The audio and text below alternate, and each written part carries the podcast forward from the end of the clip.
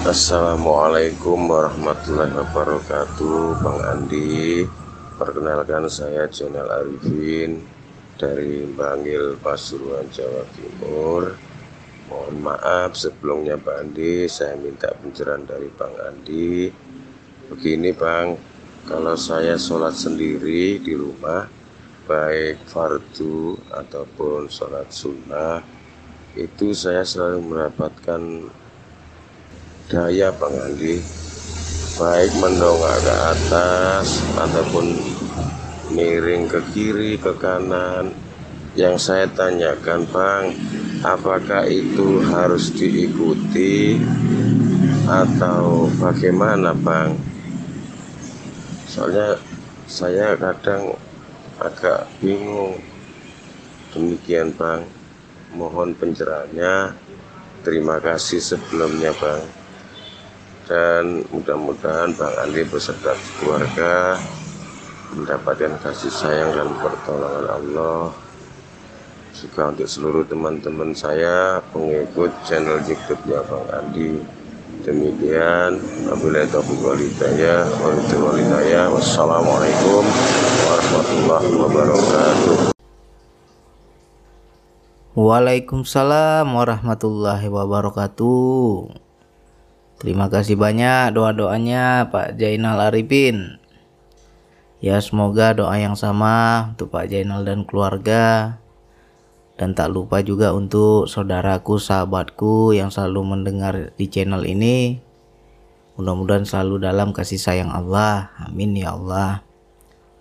Jadi yang Pak Jainal rasakan itu itulah yang sering kita dengar tapi sangat jarang dikupas sangat jarang dibahas bahwa itulah yang dikatakan mikrajnya orang mukmin ya. Rasulullah melakukan perjalanan Isra Mi'raj untuk mendapatkan perintah sholat ini. Lantas ketika kita kaumnya melakukan sholat, kita juga akan merasakan mikraj. Ya, mikraj itu yang seperti apa bang? Ya di situ ada daya. Sama halnya ketika kita berzikir nafas. Makanya banyak teman-teman ketika berzikir nafas, saya merasa seperti ketarik ke atas, Bang. Terkadang ketarik ke belakang, Bang. Kepala saya mendongak, Bang, ya.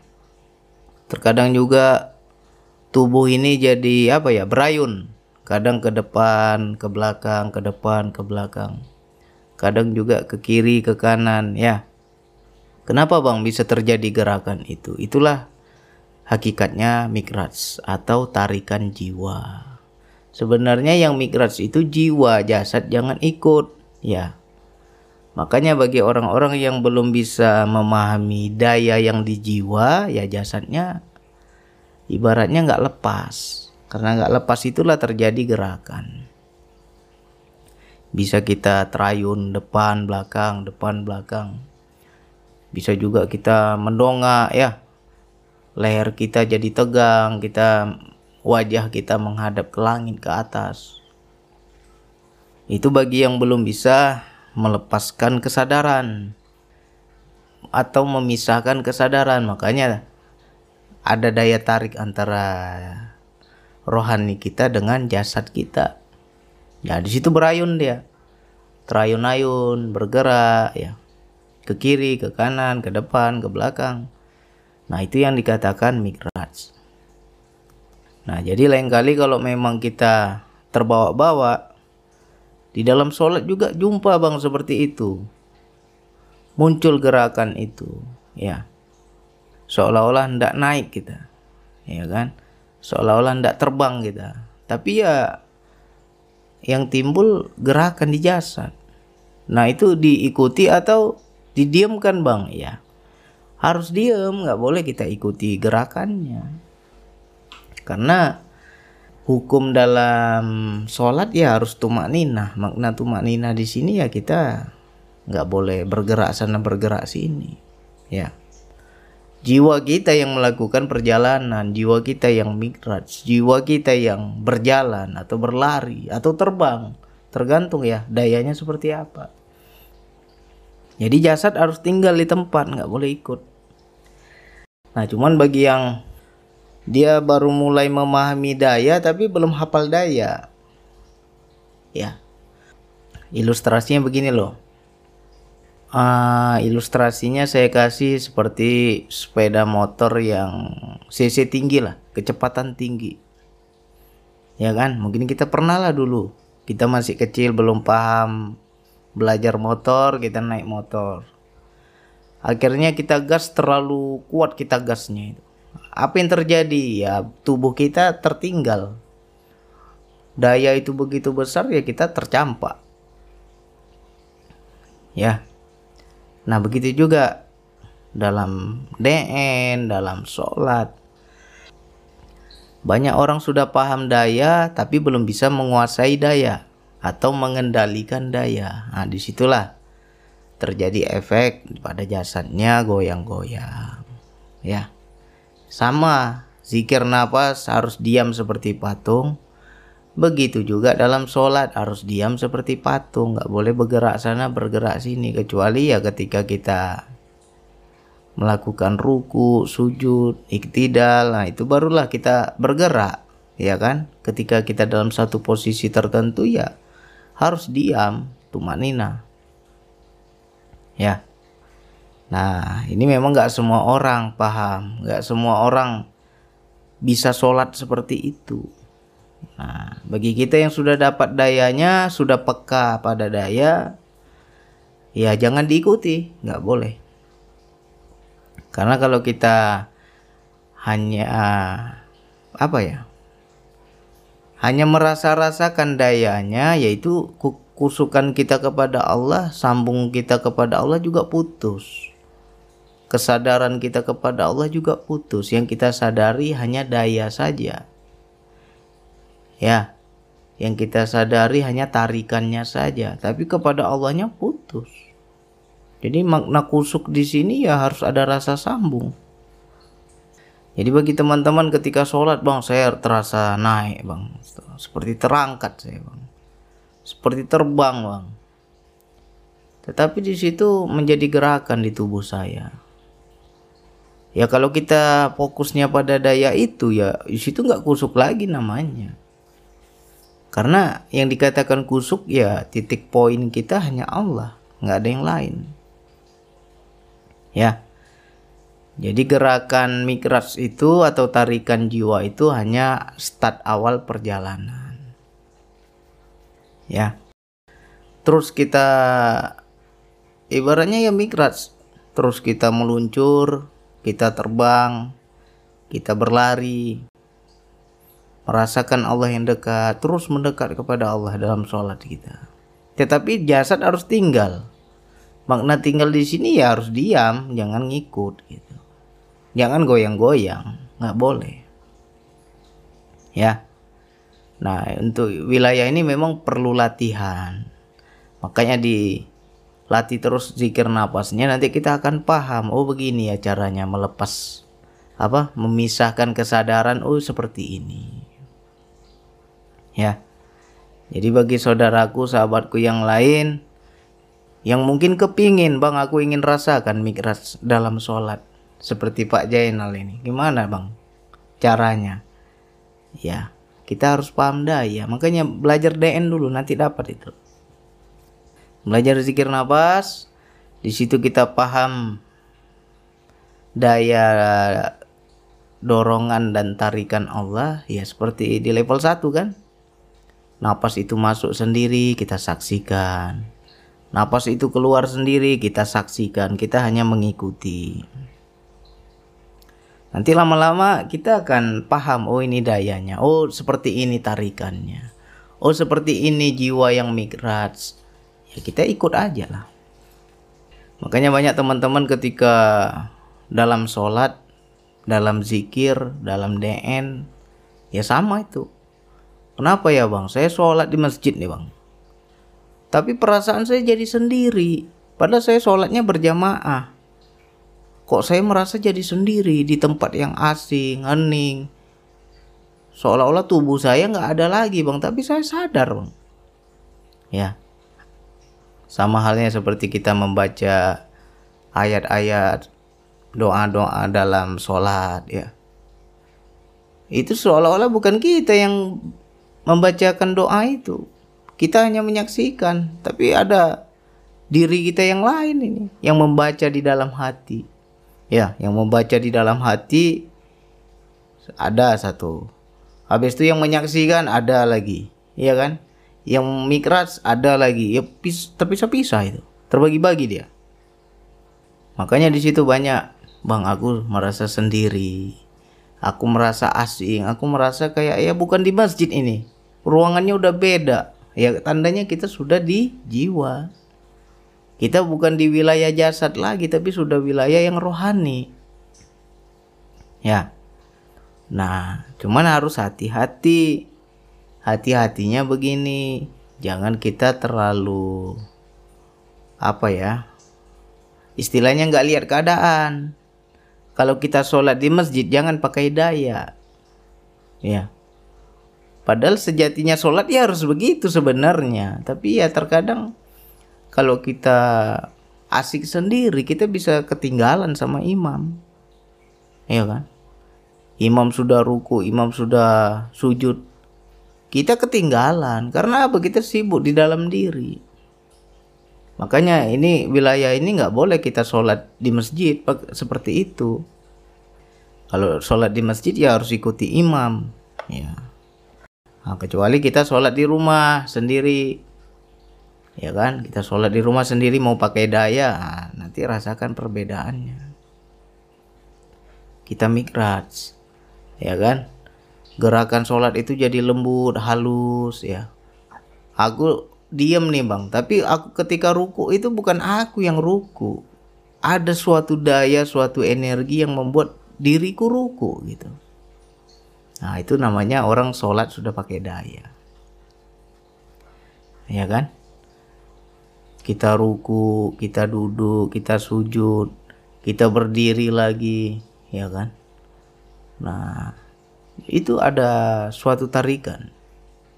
Makanya banyak kalau orang yang belum bisa menguasai daya ketika dia baru mengangkat tangan bertakbir Allahu Akbar. Itu sudah hampir terjungkal badan kita ke belakang ya. Karena daya tarikan mikros itu luar biasa besar. Nah kalau kita belum bisa mengendalikannya bisa-bisa terjungkal itu. Ya. Jadi wilayah ini ya butuh latihan. Jadi bagi saudaraku sahabatku bagi yang belum ngerti ya disimpan. Mudah-mudahan suatu saat nanti dapat. Seperti yang kita cerita ini. Ya makanya dalam sholat coba kita minta sama Allah. Sebelum sholat lah minta sama Allah ya Allah ajari aku sholat yang benar ya Allah. Ya kan? Ajari aku ya Allah. Nanti diajarkan sama Allah. Ya. Berdiri aja dulu. Kalau belum ada daya nggak usah dulu kita mulai sholatnya. Ini udah niat nih udah baca niat kan? Niat sholat. Nggak usah kita angkat tangan. Berdiri aja dulu tunggu aja semenit dua menit. Nah sambung kesadaran kita kepada Allah.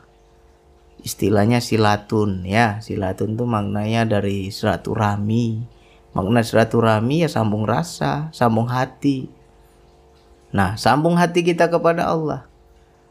Ya Allah aku betul-betul sholat untuk engkau ya Allah. Ya. Ajari aku sholat yang benar ya Allah. Minta sama Allah ya. Begitu tersambung itu ada su suatu energi suatu daya ketarik kita itu. Ya. Pelan-pelan tuh tangan kita terangkat kita menyebut Allahu Akbar. Oh itu sudah gemetar luar biasa itu. Bisa terjungkal kita ke belakang itu. Itulah yang dibilang mikraj. Selama ini kan kita hanya sering dengar aja mikraj dalam sholat tapi nggak pernah dijelasin. Jarang orang ngupas wilayah ini ya mikraj itu bukan hanya sekedar istilah tapi memang benar ada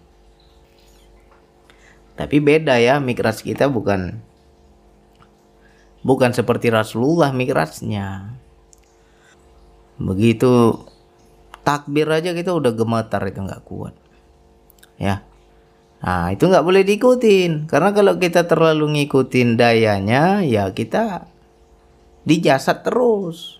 Nanti jasad ini ya ada daya tariknya. Jadi yang jalan itu, yang terbang itu, yang mikraj itu ya hanya jiwa kita, kesadaran kita.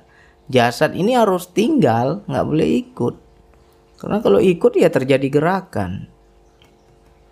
Ya, sama halnya dalam zikir nafas, makanya banyak teman-teman mendongak, ketarik ke belakang, itu juga miras. Sama itu juga miras. Ya, tapi nggak boleh diikutin. Karena kalau kita ikutin ya nggak masuk-masuk kita. Ya, tinggalkan jasad ini, nanti terpisah itu. Yang baca doa siapa? Ada ya, ibaratnya ya kayak mana saya bilang ya pecah tubuh kita ini kalau saya bilang ada diri kita yang baca doa ada diri kita yang menyaksikan yang membaca doa ada diri kita yang bergerak ruku sujud segala macam. Ada diri kita yang tersambung mikras kepada Allah. Nah, itu terpisah-pisah nanti terbagi-bagi dia. Ya.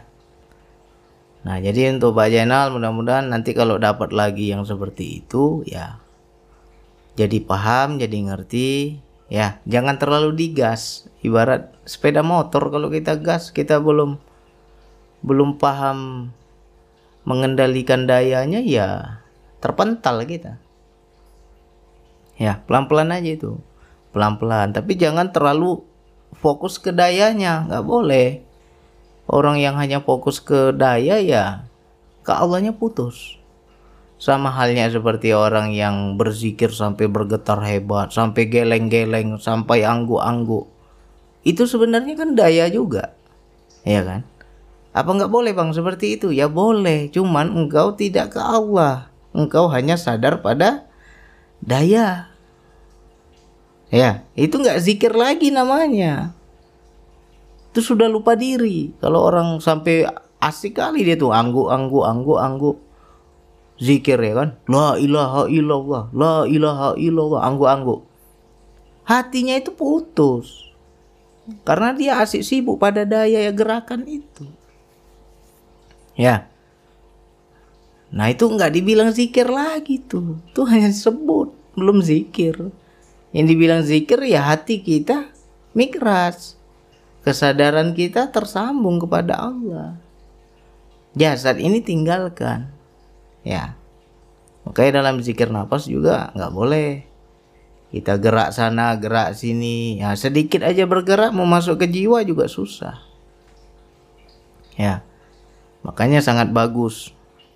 Orang yang belajar zikir nafas dibawa itu dayanya dalam sholat. Wah sholatnya luar biasa kusuknya. Ya kan? Tenangnya ya. Kita akan ada itu perjalanan rohani migras kita mendekat kepada Allah. Ya. Dan sholat kita juga jadi lambat itu. Orang-orang yang sholat dengan migras ini sholatnya jadi lama beda ya.